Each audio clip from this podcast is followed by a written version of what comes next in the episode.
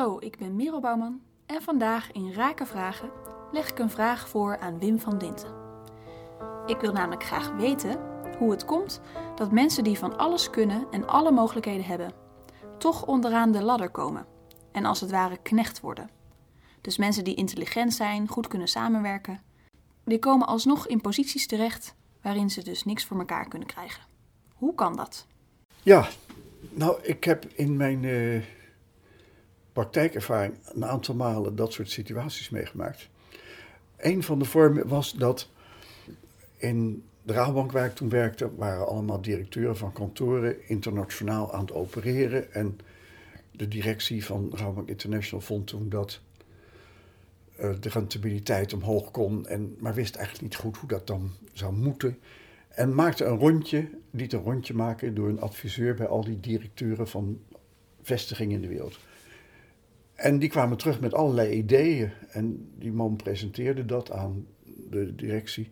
En die vond het fantastisch. En jee, wat hebben we toch goede mensen zitten. En wat een goede ideeën. Fantastisch.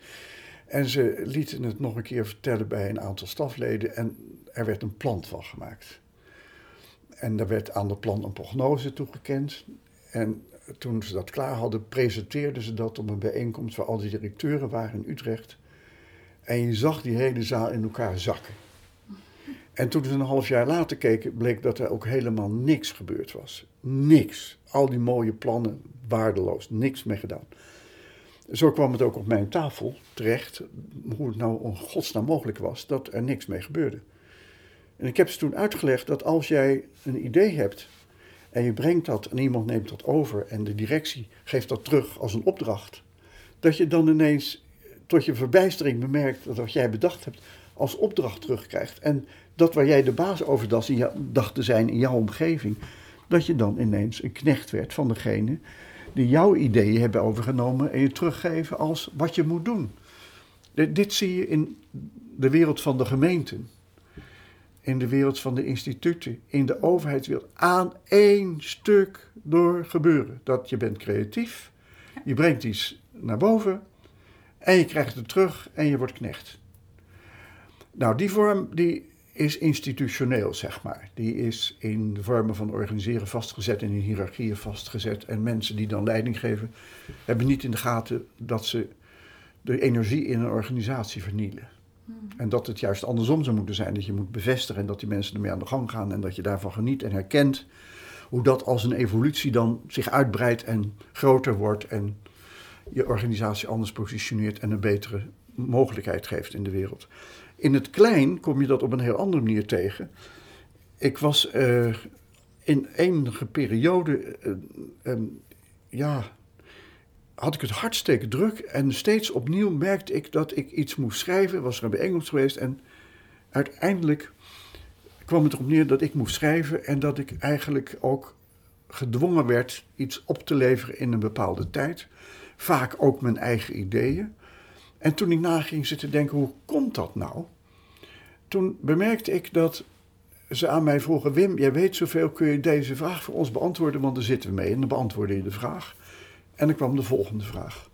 Maar toen ik die vragen voor mezelf eens terugspoelde, bemerkte ik dat de eerste vraag over een inhoud ging, de tweede al wat minder over de inhoud ging. En de vijfde ging eigenlijk over de vraag wie bepaalt de definitie van de situatie in mijn termen. Hè? Wie, wie, wie mag de baas spelen over dit of dat, hoe moet je daarover oordelen. Maar in de vraag zat dan al hun oordeel. En ik merkte dat ik vanaf die inhoudelijkheid tot die vijfde vraag, vierde vraag, vijfde vraag, in een situatie kwam dat zij dan degene waren die de vraag mochten stellen en ik die diende te beantwoorden. En ik kwam dan ook in een positie dat de dominantie van je kennis ineens overging in een verplichting tot leveren. En ik werd opnieuw knecht, waarin ik dan ook moest leveren en moest schrijven. En met mijn mogelijkheden tegen een aantal mensen aan zat te kijken, dat je dacht, ze begrijpen er A geen bal van. B gaat het ze daar ook niet om. En ik walg hiervan. Dit is wat heel veel mensen overkomt, zowel in een leidinggevende situatie van een eenheid als wanneer je met kennis en kunde iets doet. Ja. Dus mensen die vragen, die zorgen eigenlijk dat je in een knechtenrol komt. Er ontstaat in die vragen een evolutie die ertoe leidt dat je zelf niet meer de baas bent over jouw kennis, maar dat een ander dat van je heeft overgenomen en daaruit een hiërarchische positie ontwikkelt. En daar ga je in mee omdat je helpt en dat je gerespecteerd bent behandeld, maar in die evolutie verandert je positie. En dat gaat razendsnel. En als dat eenmaal gevestigd is, dan blijft het gaan. Hoe kan je dat doorbreken? Door na de tweede vraag daar niet op in te gaan. Ja. Dus dat, nou, ik neem twee vragen en de derde doe ik niet meer. En dan, schrik, dan zie je ze al schrikken, want dat is niet de bedoeling. En dan ontstaat er een duidelijk gevecht over de positie. En dan zeggen ze ook, waar, waarom beantwoord je nou aan mijn vraag niet? Omdat ik al genoeg vragen heb beantwoord, zeg ik dan. En ik ga je dan eens bevragen waarom jij steeds vragen stelt, je er niet zelf in verdiept. Hij draait dan om. Ja. Ben je met een journalist aan de gang en het re- regime is dat hij vragen mag stellen en jij moet antwoorden. En ze houden vast aan dat regime, dan kom je altijd in die knechtenrol te zitten. En je ziet dus politici bijvoorbeeld die in die knechtenrol gewoon hun eigen verhaal vertellen. De, de vraag niet meer beantwoorden, maar het als opstapje nemen om een eigen verhaal te vertellen. Dan ontkom je er ook aan. Maar je bent onherroepelijk toch nog steeds knecht. Hoe je het ook draait verkeerd.